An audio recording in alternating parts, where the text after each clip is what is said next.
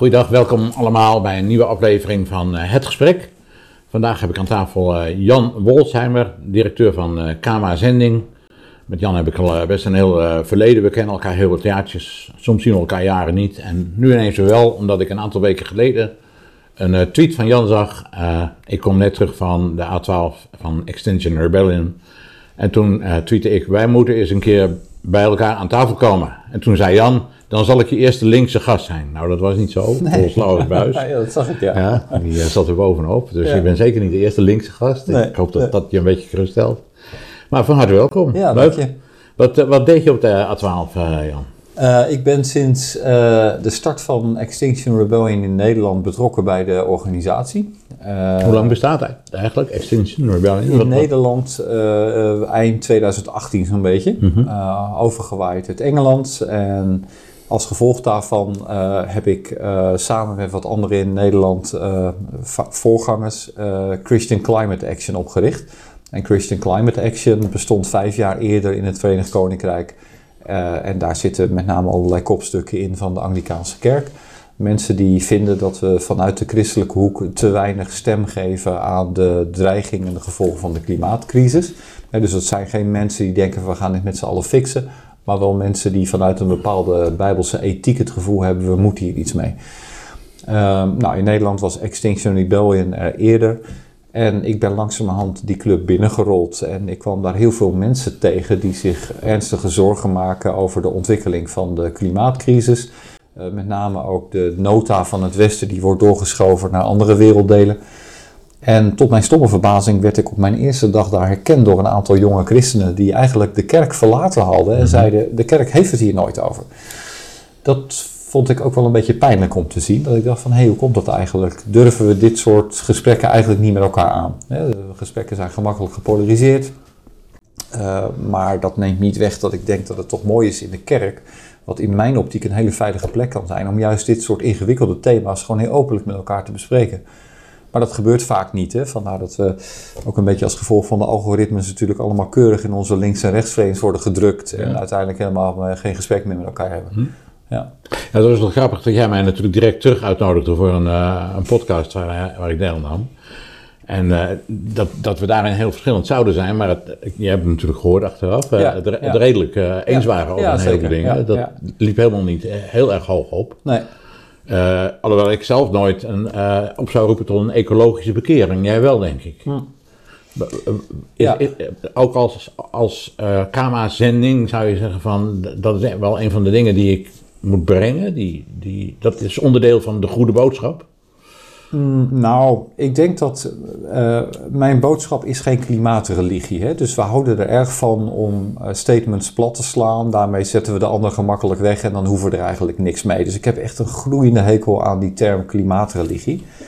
Uh, ik geloof dat de opstanding van Christus zo ontzettend verrijkend is. dat uiteindelijk de hele kosmos, zoals Paulus ook zegt, daar deel van uitmaakt. Eh, dat is één. Dus ik geloof dat, die, dat het begint bij de opstanding van Jezus. En dat door die opstanding van Jezus er mensen uh, nou ja, uiteindelijk uh, de wil van God kunnen doen, hè, Romeinen 8. En uiteindelijk een volgeling kunnen zijn van Christus. En in een nieuwe relatie met God hun leven kunnen leiden.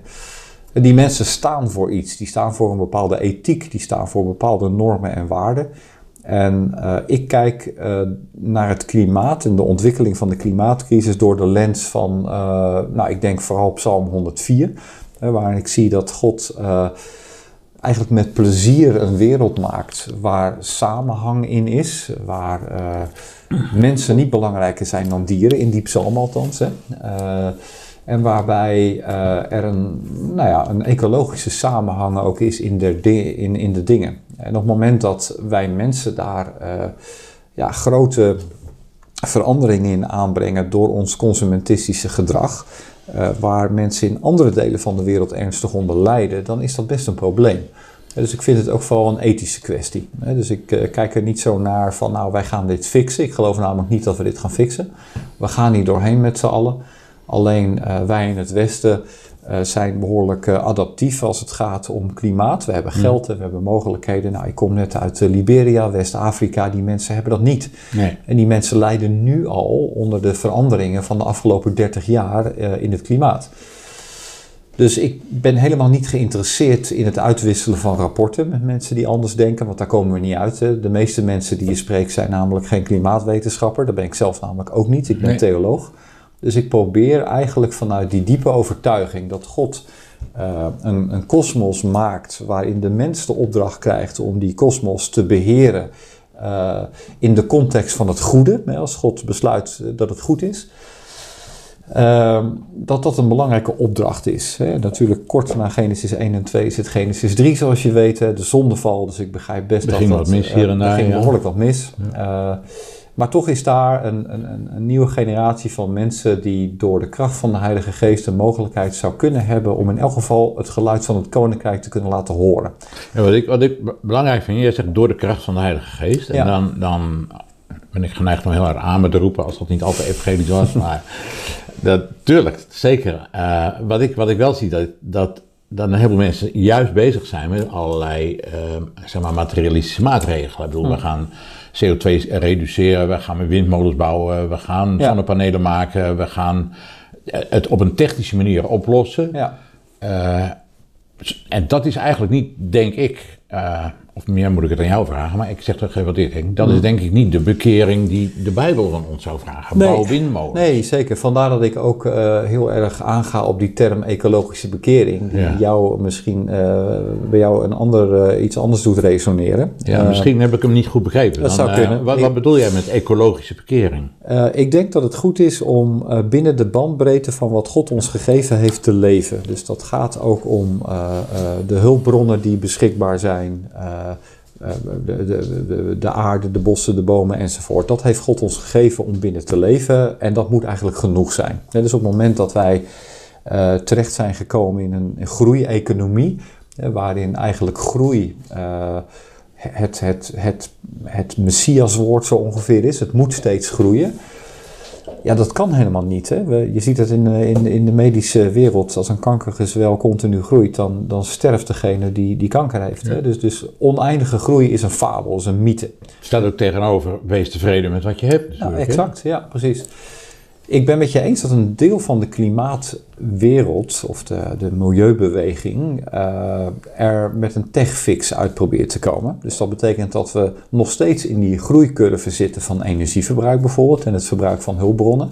Maar dat we dat technisch zo fixen dat het geen schade aanbrengt. Is, dat, is niet het gevaar dat, dat juist dat soort eh, activistische elementen, of je die nou in, in de politiek ziet, of dat je die in de, in de, in de maatschappij ziet, zeg maar, dat, dat, die hebben er alle belang bij om dat technisch te fixen, want daar valt wat te verdienen. Ja, kijk natuurlijk, eh, elk model wat je verzint, voor welk probleem is een verdienmodel, denk ik, eh, ergens. Eh, dus natuurlijk zitten hier allerlei ondernemingen op die dit heel graag willen. En, en daardoor is denk ik ook veel van wat er geproduceerd wordt, is greenwashing. Dat, dat, dat zie je aan alle kanten. Ehm, eh, dus ik pleit ook, als het gaat om een ecologische bekering, dan, eh, dan pleit ik niet voor ecoconsumentisme. Dat betekent eigenlijk alleen maar dat we gewoon verder gaan op de route van consumentisme. Maar dan kopen we duurzame spullen. En dan is het ineens oké. Nee, er is iets mis met dat ongebreidelde consumentisme. Hè, dus eh, Paul Schendeling bijvoorbeeld, eh, ik weet niet of je hem kent, of, eh, dat is ook een hele interessante stem, econoom. En die ook heel bewust bezig is met downgraden. Ja, dus iemand als eh, eh, Henry Nouwen zei dat al. Hè? We, leven in een wereld van upward mobility. Maar ik geloof dat Jezus downward mobility leert. En ik denk dat ik dat ook geloof. Hè? Dus van hoe kunnen we eh, in onze context, die niet zo makkelijk is, onze westerse context, onszelf dusdanig downgraden dat er meer overblijft voor de ander om te delen. Wa- Waarom is die niet zo makkelijk, onze westerse context? Omdat eh, alles op straat ons toeschreeuwt dat we meer moeten kopen. Ik ben hier naartoe gekomen en ik heb eh, in de tussentijd is mijn geest vervuild met allerlei schreeuwerige reclame, overal vandaan, zonder dat ik het ineens meer door heb, die mij wil verleiden tot meer consumentisme. En dat is de wereld waarin we leven. En we, we, we hebben dat kennelijk goed gevonden met elkaar als samenleving. Ik woon in, in Woerden en de gemeente Woerden heeft besloten dat op de hoofdwegen aan de lantaarnpalen er uh, A0 billboards uh, geplakt kunnen worden of gemaakt kunnen worden door een speciaal bedrijf, wat daar natuurlijk weer aan verdient. Maar de gemeente krijgt daar ook geld voor. Precario-rechten, dus, dus, Precies, ja, heel goed. Nou, ik vind daar wat van. want ik denk van, het A, het is allemaal vaak zo klein geprint dat je ongeveer jezelf half in een lantaarnpaal rijdt om ja, het te kunnen lezen. Dat is één ding. en het tweede is van Ehm, we, we, weigeren mensen die in schulden uh, terecht zijn gekomen een jubeljaar. Door te zeggen van oké, onze samenleving is er zo op uit uh, om jou te verleiden. Je bent ervoor gevallen. We gaan nu een streep trekken en we gaan je heel goed begeleiden. En we gaan jou zegenen met 0 euro schuld. Uh, maar we dwingen je wel of we verplichten je om uiteindelijk daarin goed begeleid te worden. Dat zou ik iets moois vinden. Hè? De ChristenUnie in Woerden heeft dat ooit ook voorgesteld. Heeft het natuurlijk niet gehaald. Want een groot deel van de Nederlanders zegt ja, eigen schuld, dikke bult. Maar dat vind ik best gek. Want je, je laat overal schreeuwige reclames, uh, sta je toe in, uh, in, de, in de openbare ruimte. En als vervolgens mensen daaraan toegeven en ze raken verslaafd aan kopen en daardoor in de schulden, dan zeggen van ja, eigen schuld, dikke bult. Hmm. Nou, dat is raar. Ja, dus in een Nederlandse samenleving waarin veel mensen een auto hebben, veel mensen misschien gewoon een tweede auto, waar mensen continu bezig zijn met kopen, met, met nieuwe keukens en dat soort dingen, is het best nog wel een keuze om terug te gaan. Ik sprak uh, jonge mensen in, in de Kama-kerk in Liberia. En, en ik zei tegen die mensen van, joh, ik ben afkomstig uit Nederland en uh, wij zijn redelijk direct. Maar, maar zou ik alsjeblieft gewoon eens wat directe vragen kunnen stellen die in jouw cultuur misschien uh, stuitend zouden zijn, maar ik wil heel graag van jullie leren. En ik kwam er dus achter dat deze jonge mensen uh, van minder dan een dollar per dag leefden en dat zij uh, maar één maaltijd per dag konden betalen. En toen zei een van die jonge mensen, Joshua, tegen mij, die zei van, joh, weet je, ik ben gewend aan mijn lijden, dus eigenlijk raakt het me niet zoveel meer. Dit is de struggle die ik, die ik heb te voeren. Voor jou zou dit onmogelijk zijn. Ja. Dus dat is een beetje de context ook waar je in zit. Wij zitten in een context van overdaad en welvaart. En om binnen die context een tegengestelde weg te gaan, is best ingewikkeld. Uh, niet onmogelijk, hè, maar het is best ingewikkeld.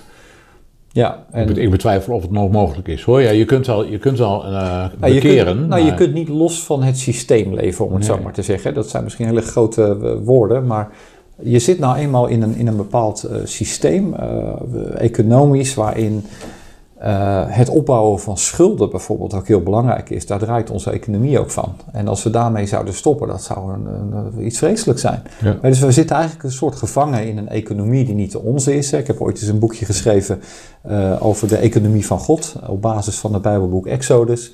En dan zie je dat uh, de eerste helft van het boek Exodus, daar is God bezig om zijn volk uit Egypte te bevrijden. En de tweede helft van het boek, en eigenlijk de rest van de Bijbel, zie ik dat God bezig is om Egypte uit zijn volk te halen. Ja. Dus wat is nou het denken van Egypte?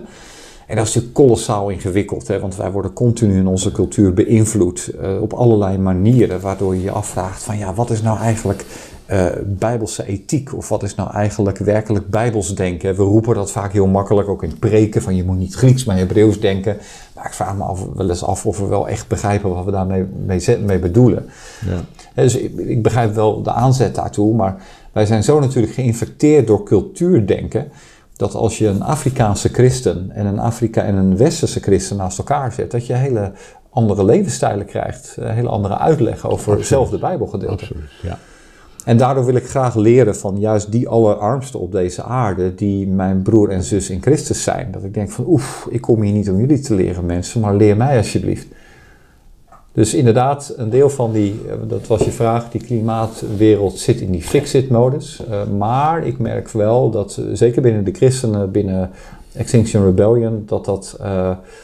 dat men daar echt anders in staat. Dat zijn mensen die soms in leefgemeenschappen wonen, mensen die geen uh, mobiele telefoon hebben of een Nokia, hele andere keuzes maken. Hm. Ja.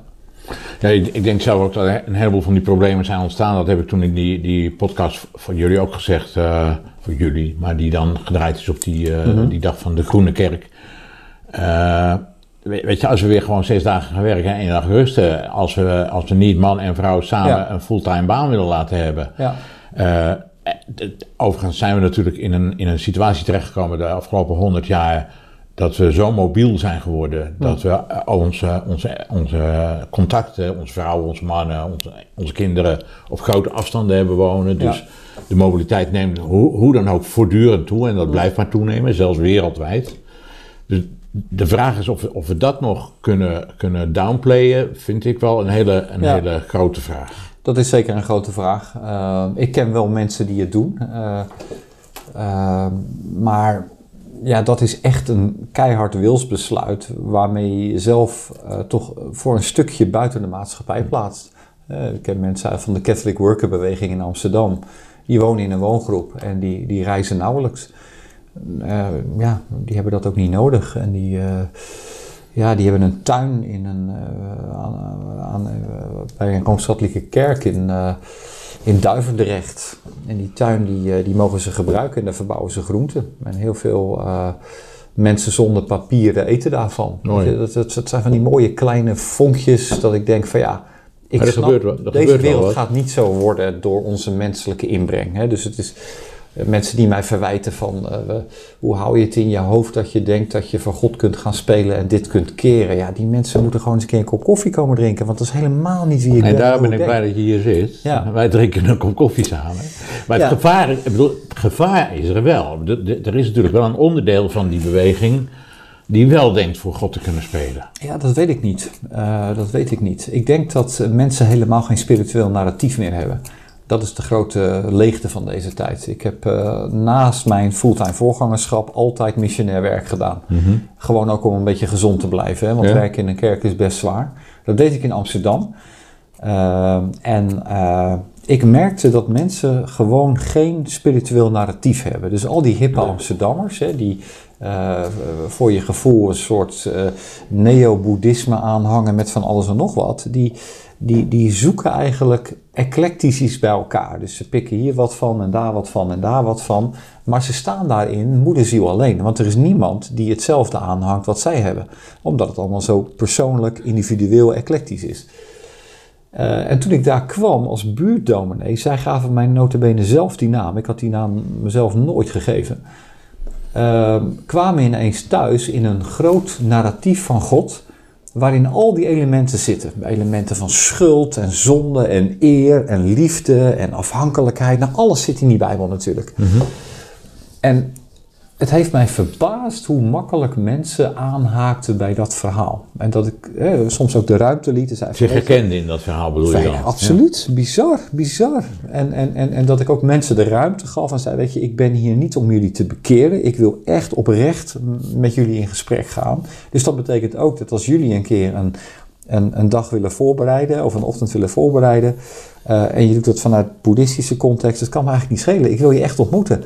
En niemand in al die jaren dat ik dat deed, het was al een jaar of acht, heeft ooit maar enige moeite uh, genomen om dat te doen, want ze hebben dat niet. Dus ik kwam er na verloop van tijd achter. Onze samenleving heeft geen spiritueel narratief. Maar is dat nou niet juist wat, wat een, een klimaatbeweging dan wel biedt als een soort je hebt een hekel aan het woord klimaatreligie, ik zal jou daar niet voor beschuldigen. Nee, ja, maar ja. Dat, dat het toch een religie wordt die offers vraagt en die, ja. waar nou mensen nou goed, waar met hun hele leven voor als, als ik met jou zou meeredeneren en ik zou zeggen deze mensen hebben geen religie en maken nu van het klimaat een religie, omdat dat is wat ze hebben. Dat kan ik nog volgen trouwens. Um, maar dan denk ik van, hé, hey, maar wie schuld is dat nou eigenlijk? Is het de schuld van de wezen die verwees zijn? Of is het de schuld van de kerk? Waar was de kerk eigenlijk al die tijd? Dus wat dat betreft denk ik dat het wijzen naar mensen die soms niets anders kunnen dan een klimaatreligie hebben, dan gebruik ik het ook maar een keer. Daar heb ik ontzettende compassie mee. Mm want, want het klimaat is niet Christus. dus ik heb ongelooflijk gave gesprekken gevoerd met jonge mensen op de A12 of in een arrestantenbus of op het politiebureau. Uh, juist over deze zaken. Omdat mensen nooit een dominee in het wild tegenkomen. Nooit. Nooit. En soms had ik ook gewoon een bordje om. Mm -hmm. en, en zeiden mensen, hey, ben je priester? Nou, dat niet. Ik ben dominee, zus en zo. En dan, maar ik sta hier vanuit de ethiek van, van een God die deze aarde goed geschapen heeft. En ik sta hier niet omdat ik het ga fixen. Maar ik sta hier wel met die stem om te laten horen dat het anders bedoeld is. En nou, verbazingwekkende gesprekken met jonge, hoogopgeleide Zo- mensen die zoals, dit verhaal eh, niet kennen. Jan, waar, waar- waar gaat het dan? Zo'n, hoe gaat zo'n gesprek dan? Kun je daar een... Mensen weten van gewoon echt helemaal niks van de Bijbel. Ja, Iemand die vraagt van, eh, Jezus werd toch 33? Ja, eh, zo ongeveer denken we, ja inderdaad. Dat is ook jong, waar is die eigenlijk aan overleden? en dat is voor mij, als iemand die opgegroeid is in de gereformeerde gemeente en heel kerkelijk is opgevoed, is dat natuurlijk een onzinnige vraag. Maar het, la- het laat zien wat de afstand is tussen onze kerkelijke cultuur en de cultuur waar we in leven. En ik ontdek dat deze cultuur hongert naar eh, de gerechtigheid van Christus. En dat betekent niet dat ze allemaal direct een discipel worden en zich laten dopen. Absoluut niet. Hè. Er is wel echt wel een hele weg tussen. Maar ik denk, laten we als kerken nou eens ophouden met vingertje wijzen. Ik, in mijn vorige baan, toen ik bij Missie Nederland werkte, eh, werd ik direct gevraagd door allerlei LHBTI plus eh, eh, groepen, ook vanuit christelijke hoek, met name uit Amsterdam natuurlijk. En die wilden natuurlijk mij graag voor een karretje spannen.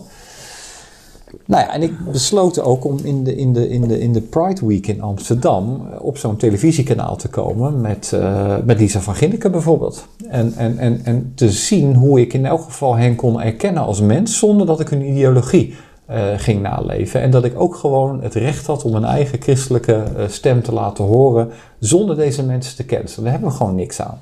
Dus ik vind eh, de, de kritiek die ik soms heb op het gemak waarmee bepaalde mensen worden weggezet, en daarom heb ik zo'n hekel aan klimaatreligie, eh, is omdat we ze hen niet serieus nemen. Dus als je echt weet te kijken wat daaronder zit, is het natuurlijk heel triest. Als dit je religie is, dan ben je zo. eh, Esther van Venema, ik weet niet of je haar kent. Zeker? Zij heeft een van Het lege leven heeft ze geschreven, fantastisch. ja, het, het heet anders. Ja. Het verlaten Het individu. verlaten individu. Maar Fenomenaal. Ja. eh, over de zeven hoofdzonden. En ze heeft er één bij verzonnen. En helaas is haar tweede boek niet eh, gebaseerd op de zeven deugden. Want dat had ik dan weer heel leuk gevonden. ja, Maar zo goed dat verhaal. Ik, ik, heb het, eh, ik heb het een jaar lang in elke kerk waar ik preekte aangeraden. Ik zeg van, als je deze cultuur wil begrijpen, moet je dit boek lezen. Ja. Dit is de cultuur van leegheid. En Esther zegt heel, helemaal terecht: het individualisme is zo groot geworden. En eh, eh, wij zijn gedoemd om zelf God te zijn.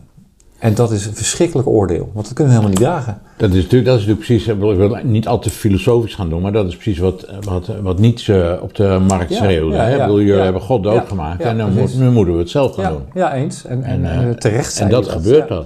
Ja. En, en eh, dus denk ik van, hé, hey, waar zijn de connecties te vinden met deze cultuur? Eh, waar zijn de... eh, nou ja, waar kunnen we het verhaal van God weer aan deze cultuur knopen? En ik ontdekte in Amsterdam dat dat helemaal niet zo moeilijk is.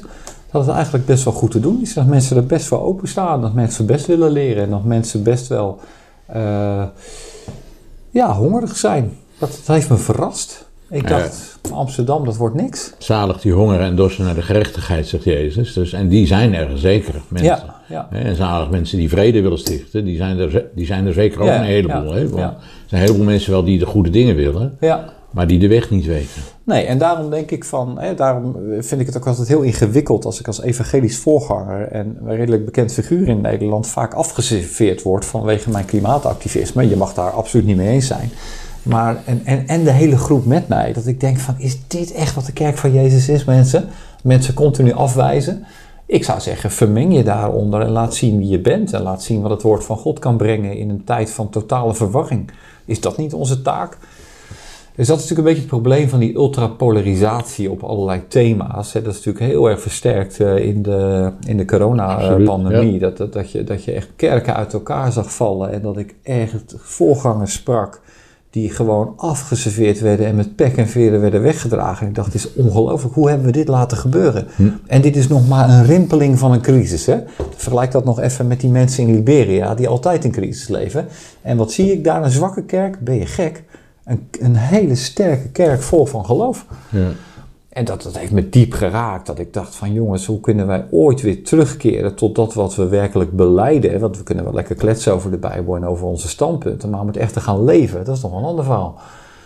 En dat, eh, ja, dus, nou ja. Terugkeren ook naar elkaar hoor. Want eh, goed, ik heb daar ook schuldig aan gemaakt. En daar denk dat heel veel mensen dat doen. Dat je vanuit je eigen positie op de ander begint te schieten. En te zeggen van ja, hij Ja. is zo en daar moet ik niks van hebben. Ja, ja. Eh, terwijl als je echt met elkaar in gesprek gaat, dan blijkt dat soms toch ook nog wel wat A, wat genuanceerder te liggen. En B, dat je eigenlijk dezelfde dingen ook wel bedoelt hoor.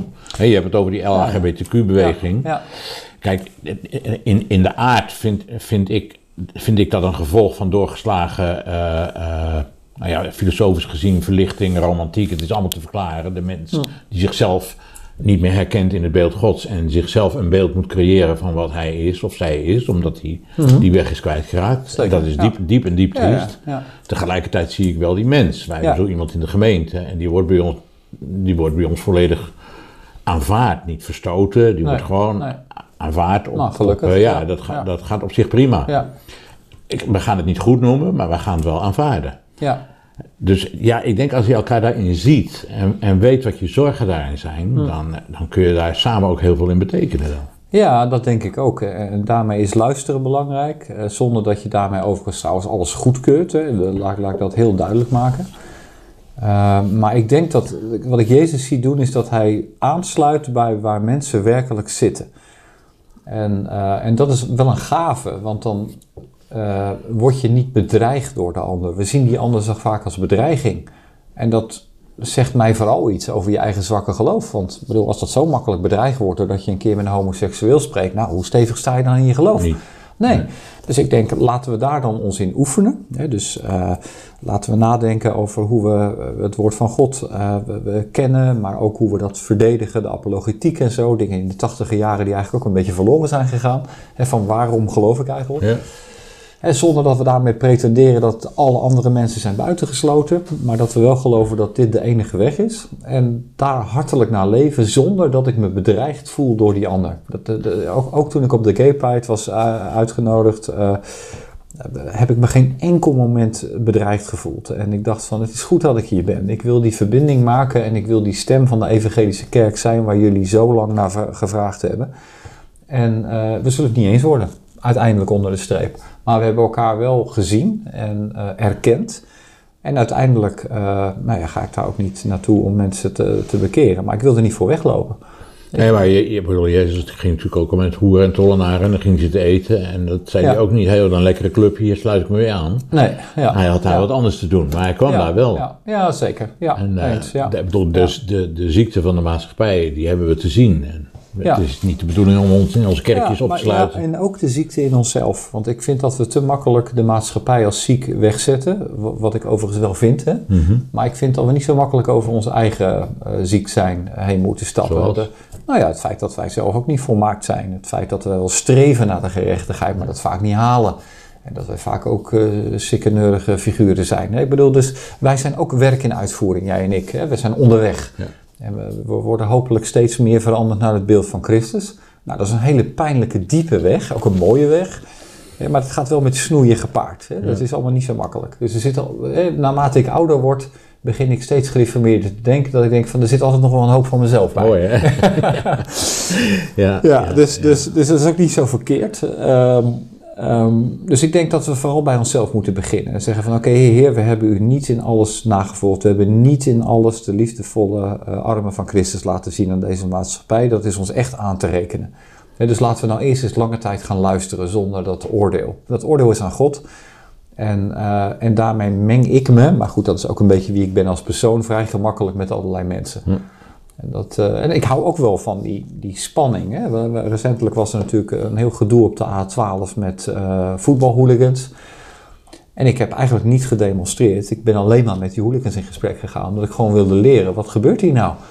En zij leerde mij iets. Hè. Zij leerde mij zien dat ik eh eh, hoogopgeleid en blank ben. En dat het mij niet uitmaakt of ik gearresteerd word. Dat doet me verder echt helemaal niks. Het heeft ook nul consequenties. Maar deze mensen die ook gemarginaliseerd zijn, een gemarginaliseerde groep vaak, ja, heeft hartstikke veel consequenties. En wij staan dan met een prachtig symfonisch orkest eh, op de A12 eh, het Requiem van Mozart te spelen. Mhm. Ja, dan ben je toch wel een redelijke groep. Die, Ja. die, als je daar niet uitstapt, dan ben je daar blind voor. Dan denk je van, hé, dit is mooi wat wij doen. En ik vind het ook oprecht mooi, zo- zo'n zo, zo'n orkest. Maar als je dan in een andere groep je verplaatst, dan denk je, hmm, dit ziet er toch wel een beetje raar uit. ja. Nou, over voetbalhooligans en uh, voetbal als zodanig zullen we het maar eventjes niet hebben. Dat, uh... mijn club gaat heel goed, uh, ja, Simon. Oh ja. Die van jou wat minder, maar... ja. Nee, ja, daarom ook maar. Ja. Het is wel een drama toch, hè? In, in, mijn club dan, zal ik maar zeggen. Ja, zeker, ja. Daar hoef het niet al te lang over te hebben. Nee, nee, ik zal je Voor mij zegt Jezus daar ook niet zoveel Nee, helemaal niks. Nee, helemaal niks. Het is de belangrijkste bijzaak in het leven, toch? Zei iemand ooit eens, ja. Nou ja, jouw club, jouw club heeft nog een gezonde Hollandse naam. En die van mij is trouwens een hele afgodische... Zeker, ja. Dat heb ik nooit begrepen. Waarom al die christenen daar achteraan lopen. ja. Ik ben overigens op 200 meter afstand van de Kuip geboren. Hè. Dat, blijft altijd wel heel bijzonder. Ik ben echt ja. Rotterdam, joh. Ja, maar goed. Laten we dit maar, laten we dit maar uh, afsluiten. Waar ik, waar ik jou pas ook nog uh, over sprak. Toen hadden we het even over, uh, over Jack Sarah in ja. bij Bethlehem College. Hm. Jij was een beetje verrast dat ik hem kende, had ik de indruk. Nou, ik wist het niet, maar, maar uh, nee, nee. nee. En ik dacht dat jij iets meer op de Christenen voor Israël fiets zat. Dus ik dacht, oh, dat is wel interessant. Want meestal die twee partijen die lusten elkaar niet. Niet zo erg, Nee, nee, nee dus uh, ja. Nee. Nee, ja, ik, eh, ik, ik spreek bij Christenen voor Israël en uh, ik uh, ben daar nog steeds welkom. Hm. En ik hopelijk na deze uitzending ook. ik, ik, voel me daar ook thuis als ik hm. maar enigszins kritisch mag blijven. Ik bedoel, hm. ik, ik ben geen, geen uh, is wel fanaat, zeg maar, in die zin dat ik zeg, alles wat daar gebeurt is goed. Hm. En ik heb heel veel oog voor, voor mensen, mijn broeders en zusters in, uh, in het heilige land, zoals we dat heel uh, subtiel noemen binnen de Kama-gemeenschap. Ja. Die christen zijn. Hè. Een paar maanden geleden was ik in, in, in de Kama-gemeente in Jeruzalem. Die bestaat volledig uit Palestijnen of Arabieren, of hoe je dat dan ook noemen wil. Met overigens een hele sterke drang om het evangelie te brengen binnen de moslimwereld. en daar ook heel veel hoop in, uh, in te zien. Ja. Maar wat is het een, een toestand daar, Jan? Ja, afschuwelijk. Uh, we hebben daar 27 mensen zitten, waarvan zeven Nederlanders. En één uh, gezin met vijf kinderen. Eh, we hebben uh, negen Nederlanders trouwens. Uh, die, die zat daar zes weken in Jeruzalem toen, toen Hamas de terroristische aanslagen pleegde. En nou, dus ik ben bovenmatig veel bezig geweest met mijn Palestijnse en Israëlische collega's. ja. ja, het is chaos en dat is natuurlijk niet voor het eerst. Ja, het is afschuwelijk. Het is, ja, en eh, ja, weet je, de eerste keer dat ik in Israël kwam was in 1995 en toen besloot ik, ik ga dit conflict als westerling niet helemaal voelen zoals zij dat voelen. En dat heeft me wel geholpen. Dat ik dacht van oké, ik, ik kan heel veel over lezen. Dat heb ik ook gedaan. Ik denk dat ik wel een boekenkast vol heb over, over deze thematiek. En dan nog um, is het complex. En, en niet heel makkelijk, uh, zeg maar. En ik merk vooral aan, aan, aan de Palestijnse zijde dat men het, het Westen verwijt dat we zo weinig onze mond open doen over de wijze waarop Israël nu natuurlijk in Gaza huishoudt.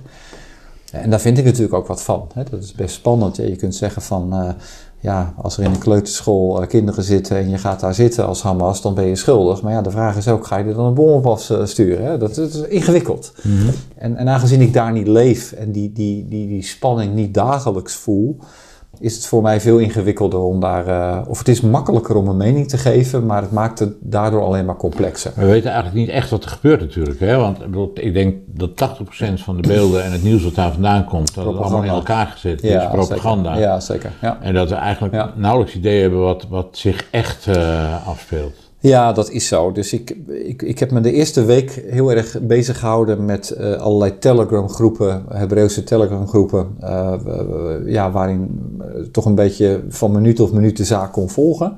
En ik merkte dat ik daar zo onrustig van werd dat ik dacht, ik ga eruit, ik stop ja, ermee, ik doe dit niet meer. Dus ik heb nu vooral contact met onze zendelingen en met, de, de, de, met name mensen van de Palestijnse kant dan, Jack Serra inderdaad, of Johanna Catenaccio of andere figuren.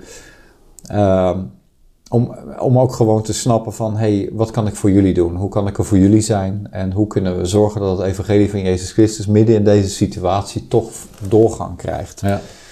Ja, en dan ben ik wel heel trots op het Nederlandse stel wat in de Negev zit. Uh, ja, wat, wat, wat, wat eigenlijk weg moest van het zendingsveld van de Amerikaanse zendingsleider en mij in tranen opbelde en zei, Jan, wij willen niet weg. Al moet ik hier sterven, maar dit, nu gaan we oogsten. En dat was zo'n ja, bewogen gesprek dat, dat de tranen ook over mijn wangen liepen toen ik de vraag stelde op Zoom van, eh, maar stel dat het sterven wordt, is dat dan een goede keuze? En ze zeiden allebei ja, ja dan is het goed. Kippenvel, hè? Ja, kippenvel, ja. Dat ik dacht van, het zijn ook zulke mooie, lieve mensen. Ik denk dat, ik weet over wie het heeft. Ja, de ken, familie maar- Knoester. Ja. En, eh, en, en het leuke is, ze komen natuurlijk uit de buurt van Rotterdam. En, en, en met name Esther, die spreekt plat Rotterdams Hebreeuws. En dat is ook heerlijk als je dat hoort. Dat kennen wij ook nog wel, hoor. Ja, ja, maar dat is heerlijk. Zelfs als ze Spreekt, hoor je Rotterdamse tongval. En die zoveel betekenen daar voor de bevolking op dit moment. En, eh, en hun gemeente leiden. Dat ik denk van ja, ik ben, ik ben eigenlijk super trots op deze Ja. mensen. Mooi, hè? Ja, ja. Ja, die, al- als er eh, voor mensen gebed nodig is, is het zeker voor onze, onze zendelingen, onze mensen die daar zitten. Ja, Voor ja, eh, onze broeders en zusters. ja, ja. Eh, en sowieso voor de hele situatie hoor. Ook, eh, eh, het loopt daar zo giga uit de klauwen dat ik, ik weet de oplossing niet. Maar, nee, ja, die oplossing, nee, dat is zeker zo. En kijk, er zit natuurlijk ook nog allerlei die profetische kant van het verhaal aan. Hè. Welke kant gaat dit verhaal op? Hoe eschatologisch is deze wending? Dat blijven natuurlijk altijd moeilijke zaken om te bespreken. In de loop van de geschiedenis hebben veel uitleggers zich daar al flink aan gestoten. Eh, ik, ik probeer toch een beetje bij Lucas 13 te blijven, waarin de Heer Jezus zegt van... eh, eh, eh, nou, ik zal maar even de Statenvertaling citeren. Nog de zoon dan de vader Ja. weet van die uren.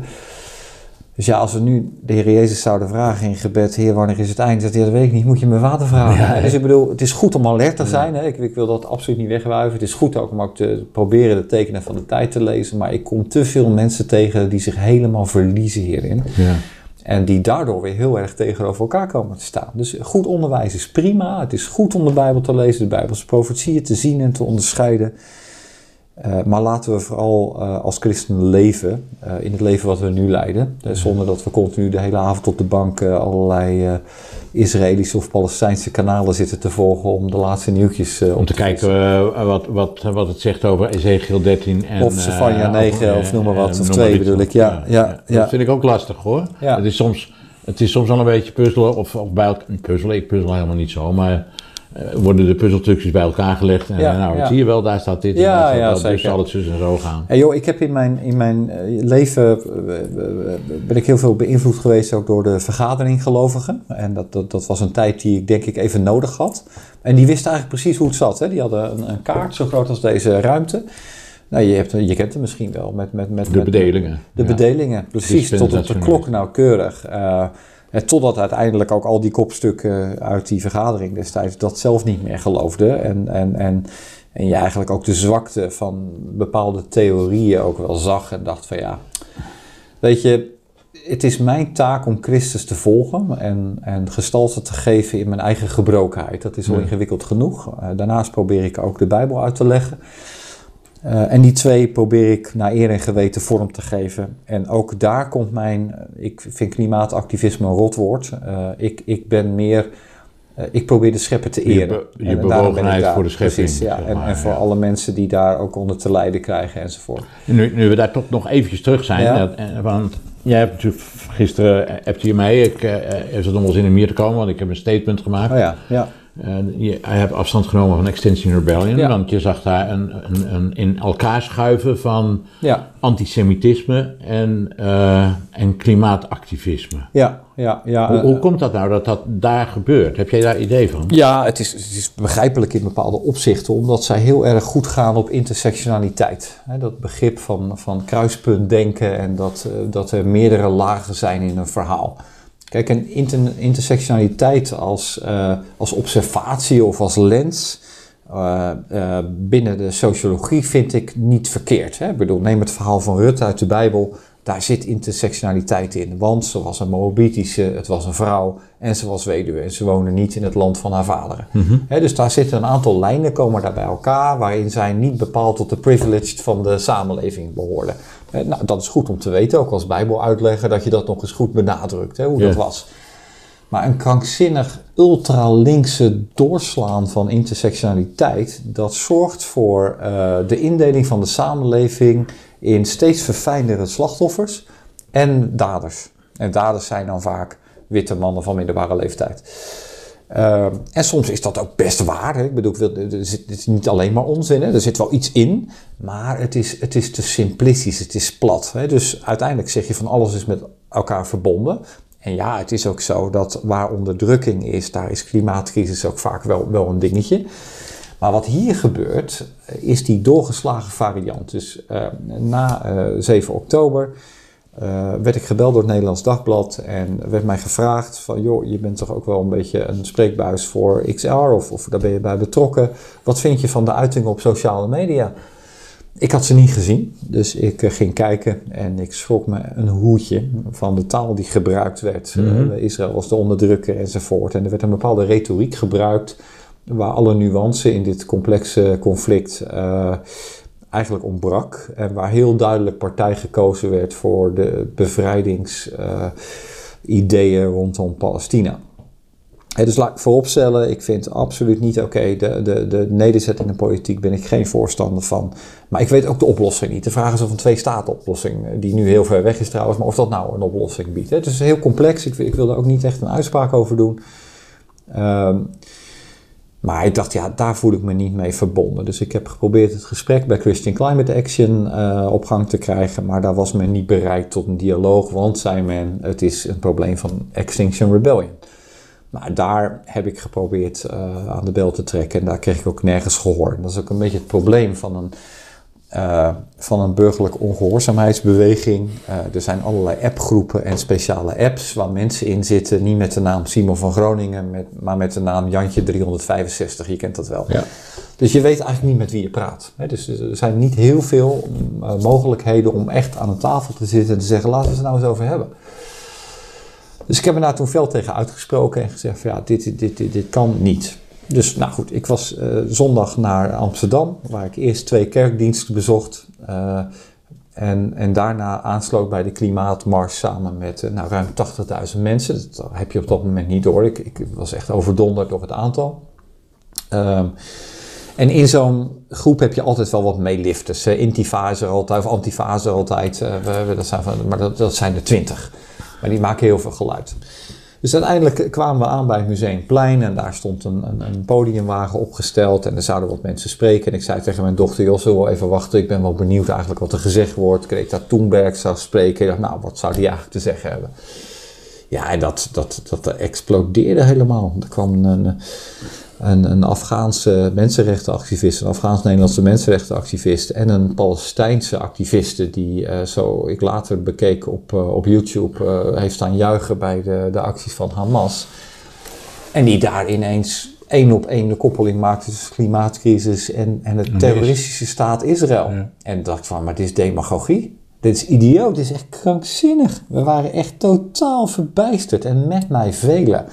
Met uitzondering van een paar groepjes schreeuwers die dat uh, ondersteunden. Dus ik zag een aantal mensen met een Palestijnse vlag. Twee uh, uh, jongetjes, een tweeling denk ik, want ze leken heel erg op elkaar, van een jaar of vijf, zes, die allerlei leuzen riepen, door vijf, zes jaar leuzen riepen in Amsterdam. Waar zo'n beetje, nou wat is het, 90, 100.000 mensen zijn weggevoerd in de Tweede Wereldoorlog. En waar veel Joodse mensen nog wonen. En die zich dus verschrikkelijk onveilig voelen ja. als mensen iets gaan roepen van From the River to the Sea. Dus ik, ik, ik, voelde me koken van woede eigenlijk. Ja. Ik dacht, wat gebeurt hier nou toch? Vervolgens kwam uiteindelijk Greta Thunberg en wat deed hij? Die ging geen speech houden, die gaf de microfoon terug. Want de organisatie had het geluid op een gegeven moment uitgedraaid bij deze dames. En die zei van ja, dit kan niet gebeuren. Niet als ik er ben, dus deze dames gaan hun verhaal afmaken. Ja, en toen dacht ik, uh, toen ik naar huis ging, ik dacht, dit, wat moet ik hiermee? Dit is echt afschuwelijk. Dit is echt de teloorgang van de klimaatbeweging. En moet je je voorstellen, de eerste keer dat wij de A12 oplieven, waren we met 34 mensen. Ik was erbij. Mm -hmm. De laatste keer dat we daar waren, waren we met 27.000 mensen op de A12 en nog eens zo'n 35.000 mensen aan de zijkant. Dus die beweging is waanzinnig gegroeid.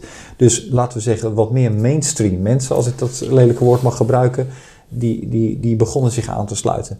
Nou, ik, je gaat die mensen kwijtraken. En dan zie je dat zo'n beweging, uh, die in mijn optiek tot nu toe zeer samenbindend is geweest. Hè? Dus de mensen die nu allemaal roeptoeteren vanaf de zijlijn, dat had ik al lang gezien en zo. Ja, dat is flauwekul. Die beweging was niet zo. Dat waren hele lieve, warme mensen. Ik heb echt wel eens gezegd, ik wou soms dat de kerk vol met deze mensen. waren heel erg begaan met elkaar. Eh, er is een, eh, een, een, een cultuur binnen Extinction Rebellion van eh, regeneration. Hè? Dus met andere woorden, je hebt net hard gewerkt en nu zorg je goed voor jezelf en ga je gewoon eens een dag vrij nemen, zodat je niet helemaal in die modus zit, waar Ja. je er te gek van. Dus het was een hele lievige, zorgzame cultuur. Dat heb ik enorm gewaardeerd. Overigens trouwens wel, als ik je even mag eh, aanvullen of Ja. onderbreken, maar ik zat dan aan die wappiekant. Hè. Hoe kan je nou bij, eh, bij zo'n wappie zitten? Ja, ik, heb ik heb me inderdaad nog wat kritisch opgesteld in, in coronatijd en over allerlei andere zaken. Eh, daar ontmoet je ook zo'n cultuur. Daar, Ja. daar zijn Oh, mensen ja. het ook met elkaar eens. Daar, Ja. bedoel, daar gaan mensen ook zelfvoorzienend leven. Daar, ik, ik ken mensen die dat op een fantastische manier doen. ja, En ineens zie ik, eh, ik lees bijvoorbeeld ook de andere krant. Ik weet niet of je die ook wel eens onder ogen krijgt. Zou je een keer moeten nog doen. nooit. Nou, nee, de andere krant de andere kant. Ik wist niet dat die bestond. Nee maar hoor. Nee, Nou, nee nou, die welkom in je- mijn bubbel. Die, die moet je echt, nou, wil je iets van de andere bubbel begrijpen, moet je die toch ook eens een keer lezen. Ja, dat een, een, week, een weekblad dat Ah, oké. eruit komt. Ja. Met eh, het andere nieuws, gewoon wat je eh, niet bij de NOS hoort, zeg maar. Maar ineens zie ik in de andere krant ook eh, die, die anti-Israël-beweging, die Oh, oh. Precies Oh, hetzelfde. ook, bedoel, ja, ja. Waar we het eerst allemaal eens waren over allerlei dingen die totaal verkeerd gingen, zie je ineens daar ook, nou nog net niet roepen van the river to the sea, alhoewel het weinig scheelt. Hè, dus het anti-Zionisme met name wordt erg. Bestreden en dat wordt naadloos aangesluist op het eh, antisemitisme. Oh. Zodanig dat ik een ingestond stuk heb geschreven naar die andere kant van ik wil wel eens wat schrijven daarin. Ah, oké. Ja, ja. Want ik heb daar een iets andere visie eh, over. Ja, Maar dat is dus eigenlijk gek. Dat dat bij al dat soort bewegingen, ja, als het dan ineens over Israël gaat, ja. Ja. en dan wijs ik dan toch met Israël een beetje naar de Bijbel. Nou ja, ik, in, inderdaad niet naar de staat, maar, maar meer naar het Joodse volk. Hè. De- de- ik denk van, ik, ik vind ook echt wel wat van de politiek van Netanyahu. Ja, dat Eh, is, eh, daar eh, vind ik ook helemaal niks van. Nou, daar vind ik van alles van. Ja, maar hè, dus, dus ik denk dat we dat onderscheid wel moeten maken. En tegelijkertijd denk je dan, ja, daar zit natuurlijk ook heel veel geestelijke strijd omheen. Hè? Ja. Ik bedoel, dat is duidelijk. Hè? Dus dat is niet, eh, niet voor niks. En, maar om die twee altijd uit elkaar te halen is nog niet zo Niet makkelijk. Hè? Nee, dat is, dat is niet zo makkelijk. En dat, eh, ja, dus, dus ik vind dat eh, de klimaatbeweging zich behoorlijk heeft vergalopeerd. Extinction Rebellion eh, heeft uiteindelijk een statement uitgebracht dat zij het volledig eens waren met de sprekers. En dat het nooit weggedraaid had mogen worden. En toen dacht ik, ik kan niet meer bij horen. daar hoor je niet meer bij. Dus Frederik Fiek had een verklaring geschreven. En ik dacht, ik ga ook een verklaring schrijven waarin ik openlijk ook afstand neem van deze beweging. Omdat ik hier niet langer onder genoemd wil worden. Want uiteindelijk wordt er gewoon haat gebezigd. En Ja. als je eh, geweldloos verzet aanhangt, zoals ik, dan, dan, dan ga je ook niet schelden, want dat is ook geweld. hè. Dus ook als er gearresteerd wordt, dan gaat niemand dan lelijk iets tegen een politieagent zeggen. Dat zijn gewoon allemaal basisregels van Extinction Rebellion. Die zitten heel goed in elkaar. En nu wordt dat compleet losgelaten. En er is een ongelooflijke demagogische retoriek van een podium dat ik denk van, hoe is dit, hoe heeft dit kunnen gebeuren? Nou, ik kan er nog steeds geen antwoord op geven. Nee. En ik vind het heel verdrietig eh, uiteindelijk, want ik, ik vind het belangrijk dat we met elkaar eh, nadenken over onze verantwoordelijkheid over deze, deze aarde die we van God gekregen hebben. En nogmaals, zonder dat we het gaan fixen of dat het een nieuwe religie wordt of dat we een soort klimaatmessias moeten worden. Maar dat is wel heel. En ik denk dat juist het Bijbelse verhaal van een economie van genoeg, eh, dat is volgens mij wat God leert, en een economie van delen. Dat, dat, dat is het goud van de kerk. Hè? Dat hele evangelie, dat zit daarin. Waar- waarom is de kerk hier eigenlijk niet zo mee bezig? Hè? Dus ik ben niet eens geïnteresseerd in al die bijzaken als eh, knotwillige eh, knotten, wat, wat prachtig is. En fairtrade koffie, wat ook heerlijk is. Maar dat is niet de kern. Ja, de- ik heb ooit bij Groene Kerken in coronatijd een lezing gehouden op basis van de theologie van Tom Wright. Ik weet niet of je die kent. Zeker. Ja, over hoe bijvoorbeeld mijn klimaatethiek voortkomt uit de opstanding van Christus. Dat dat de voorwaarde is. En zonder opstanding van Christus zou dat bij mij niet mogelijk zijn. Ehm, en dat was heel merkwaardig, want dat was natuurlijk online. Dus ik zag de mensen niet eh, waar ik tegen sprak. En uiteindelijk bleek dat deze mensen hartstikke liberaal waren van die groene kerken. Dus ik kreeg op een gegeven moment in de kleine groepen de vraag van... ja, eh, dat klimaat fantastisch hoor, wat heeft Jezus hier nou weer mee te maken? Ja, ja, ja, ja. Jezus heeft overal mee te maken, toch? Kom. Zeker, ja, ja. Dat is altijd het antwoord, no matter the question. Maar ja, ja. ja. ja, dus dat, ja, Dus, dus ik snap wel dat mensen het raar vinden dat ik, dat ik hierin zit. Dat begrijp ik best. Maar, maar ja, nou ja, goed, dat is dan maar zo. Ja. Hey, even een beetje naar een afsluiting toe. De ondertitel van mijn website is altijd: uh, Het zal zijn als in de dagen van Noach. Ja. Daar kan je alle kanten mee uit. En daar zijn we ook alle kanten mee uitgegaan. Oké. De dagen van Noach waren natuurlijk ten alle tijde slechts verdorven. Het was de voorbode van een Great Reset. Het was ook de voorbode van een eh, redding. Ja. Jezus haalt het aan en zegt van eh, eh, in de dagen van Noach had niemand wat in de gaten. Ze leefden, ze gaven ten huwelijk en ze namen ten huwelijk en Ja. ze deden maar wat. Ja. Alles ging gewoon door. Eh, hoe, hoe zie jij dat? En, en eh, leven wij in een soort dagen van Noach? Staat er iets te gebeuren? Ja, weet je, ehm, eh, als we kijken naar de preek van Petrus eh, op de Pinksterdag, dan leven we sinds die tijd in de eindtijd. Hè? Amen, Dus, dus ja. ik, ik wil niet. eh, eh, eh, dus, dus dat zaten we al, om het zo maar te Maar zeggen. goed, er komt een einde aan de eindtijd. Er komt een, ja, dat is waar. Zeker. Ja, ja, ja, eh, dat is moeilijk te zeggen. Er zijn natuurlijk eh, hele grote ontwikkelingen eh, in de wereld die heel spannend zijn. Hè. Voor het eerst in de geschiedenis van deze planeet en de geschiedenis van de mensheid zijn wij niet meer de slimste op aarde. Dat zijn onze computers Ja. die via artificial intelli- intelligence ons inhalen. Dat, dat is een hele bedreigende Nogal, situatie. ja. In de 80 jaar had je films met Arnold Schwarzenegger die daarover gingen. En daar lachten we hartelijk om, want niemand geloofde het. En nu zitten we er middenin.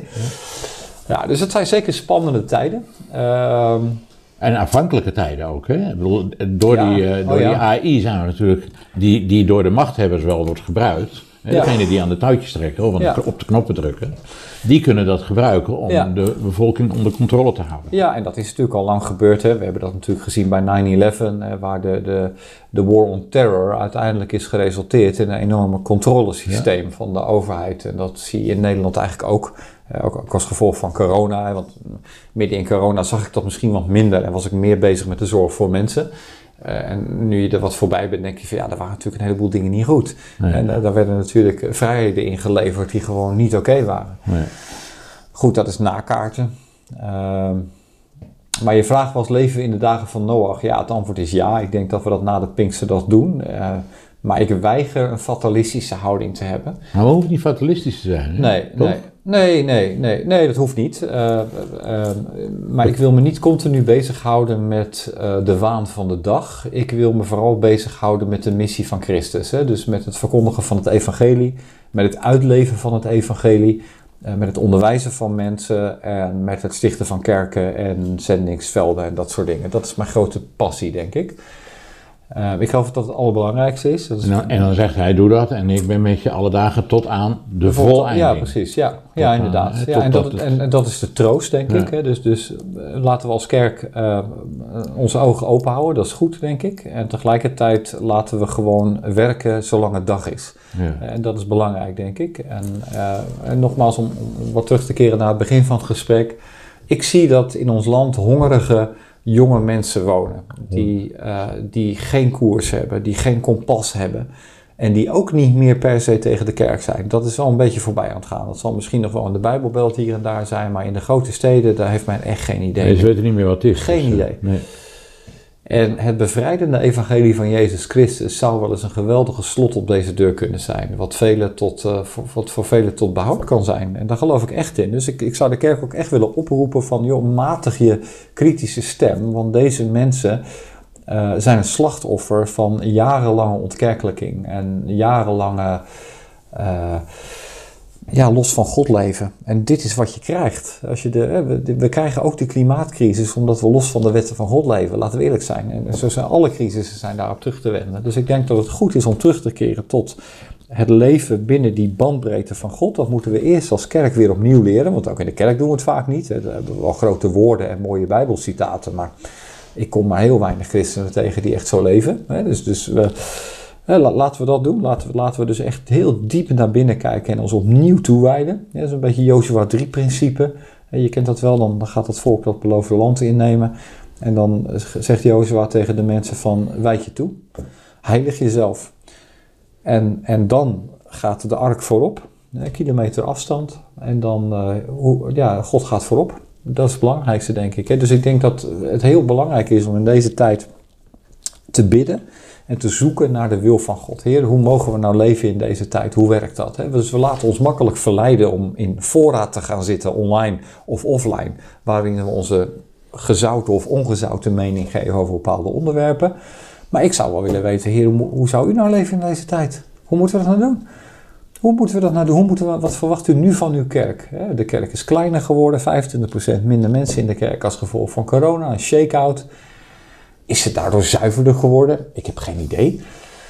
Maar laten we als kerk terugkeren naar de bron, uh, daar uh, waar, nou ja, wat Jezus zegt in, in, in het Johannes-evangelie, ik kan niks doen voor ik het de Vader zie doen. En mijn probleem is, ik kan heel veel dingen doen voordat ik het de Vader zie doen. Ja. dus vandaag is het ook goed dat ik soms ook teruggefloten word en dat ik al mijn, of al mijn tijd, maar een groot deel van mijn tijd stop in die ontwikkeling van mijn geestelijk leven. En misschien is dat ook wel de reden dat, dat, dat ik nu ineens keihard bos met die, met die klimaatbeweging die ineens een kant uitgaat waarvan ik denk van, maar dit is niet wie ik ben. Dus ik moet me helemaal opnieuw bezinnen. Wie ben ik eigenlijk binnen dit verhaal? En hoe kan ik aandacht vragen voor die wereldproblematiek zonder daarin mijn, uh, mijn normen en waarden en mijn geloof te verliezen? Helder, ja. ja. Herkenbaar ook trouwens, hoor. want ik ken dat ook wel. Ik bedoel, je, wappie of niet, weet je wel. Maar je wordt onzeker van dingen die gebeuren om je heen. En je maakt je zorgen over een toekomst voor de wereld. Ja. Wij hebben dan 13 kleinkinderen. Ja, dus een, heel, een heel, heel logisch. hele kudde, zou ik maar zeggen. En er is er pas weer een geboren en sta je met zo'n heerlijk dropje in je hand. En dan denk je, wat is jouw toekomst? Ja, En dat geldt voor allerlei gebieden. Hè? Op eh, artificial intelligence, op eh, LHGBTQ, op klimaat, op, op, eh, op wat voor gebied dan ook. En wat voor wereld breng ik zo'n... Ik, Ja. nou ja, ik ben de opa dan, maar brengen ouders zo'n kindje... En ik vrees dat het de vraag is van alle tijden. Eh, alleen zien we dat natuurlijk niet, omdat we denken het gaat naar een climax toe. En wellicht is dat natuurlijk waar. Maar ik denk dat, als ik eerlijk ben, dat elke ouder dat misschien stiekem wel heeft. Ik bedoel, weet je, toen mijn eerste geboren werd, eh, eh, verdween er een bepaalde glans in mijn leven. Er kwam een nieuwe glans terug vanwege een kind, maar ook omdat je ineens verantwoordelijk was. Ja. Je dacht van, als iemand jou iets aandoet, wat wordt er dan van mij? Zo. Wat ga ik dan doen? Dus die verantwoordelijkheid voor mensen die je lief hebt. En dan moet je ook weer leren om je kinderen terug te geven aan God. Heer, ze zijn niet van mij, ze zijn van u. En dat is ook hè, dat is in de puberteit moeilijke fases. Dus, Nou. Dus ja, ik denk dat er voor de kerk maar één antwoord is. En dat is helemaal terugkeren tot de persoon van Jezus Christus. En daar wachten tot we marsorders krijgen om de ark te volgen. En voor die tijd gewoon onze waffel houden. Marsorders voor de eindstrijd, zei Corrie ten Boom. Ja, ooit ja, precies. Ja, Dat is ja. wel mooi, Ja, ja. Misschien moeten we daar mee gaan besluiten. We wachten samen op de marsorders van, eh, van Christus. En dat soort mensen missen we, die Corrie ten Booms van deze wereld. Dat, de- dat waren toch mensen die in hun tijd opstonden eh, en, en, en het pure evangelie verkondigden, maar ook uitleefden en ook profetische stemmen waren. ja, zeker. Ik mis ze in mijn generatie. Ja. De voorgangers die mij hebben opgeleid, die hebben niet eens de eindscheid gehaald. De eindscheep gehaald in de kerk. Dus ja, het is heel ingewikkeld. Nou, wie God verlaat heeft zwart op zwart te verrezen. Zongen we vroeger toch netjes. Ja, ja. maar wie op hem vertrouwt, op hem alleen, ziet zich omringd van zijn Ik- dat, dat weet ik niet meer. Echt Jan, leer je ook Dank, dank, dank. Ja. Jan, dank voor je, voor je gesprek. Ik vond het zelf heel, eh, heel fijn om met je te praten, Ja, verhelderend. Ja, ja. En eh, ik merk toch steeds weer in dit soort dingen dat als je gaat praten, dan ga je elkaar beter verstaan. ja, dat is leuk om te zien, hè? Zeker. Ja, zeker. Dankjewel. Nou, dank. Als u het ook een leuk gesprek vond, like het eventjes hieronder. Deel het met eh, vriend en vijand als u die mocht hebben. Of maak uw vijand tot uw vriend en deel het dan. Als u eh, wilt abonneren op het kanaal, kan dat ook. Druk er eventjes op de vinger die omhoog staat. En hartelijk dank voor het kijken en tot een volgende keer. Nou, je bent echt een hele professionele host. Bijna wel, hè? Ja, wat grappig. Ja. ja. Ik had nooit.